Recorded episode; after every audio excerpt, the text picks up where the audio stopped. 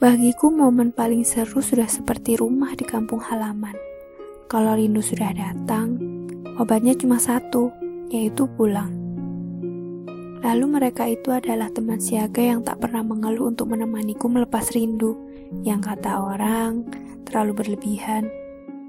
Botol minuman yang selalu terisi penuh, antrian buku bacaan yang menunggu diselesaikan, kaktus mini yang potnya mulai retak, ponsel yang selalu siaga saat dibutuhkan, juga laptop yang tidur tak lebih dari 12 jam menemaniku merekam perbincangan dengan guru kehidupan, yaitu kejadian di sekitar dan pengalaman seru yang telah dilalui. Semua kegiatan melepas rindu itu sudah terangkum dalam momen paling seru.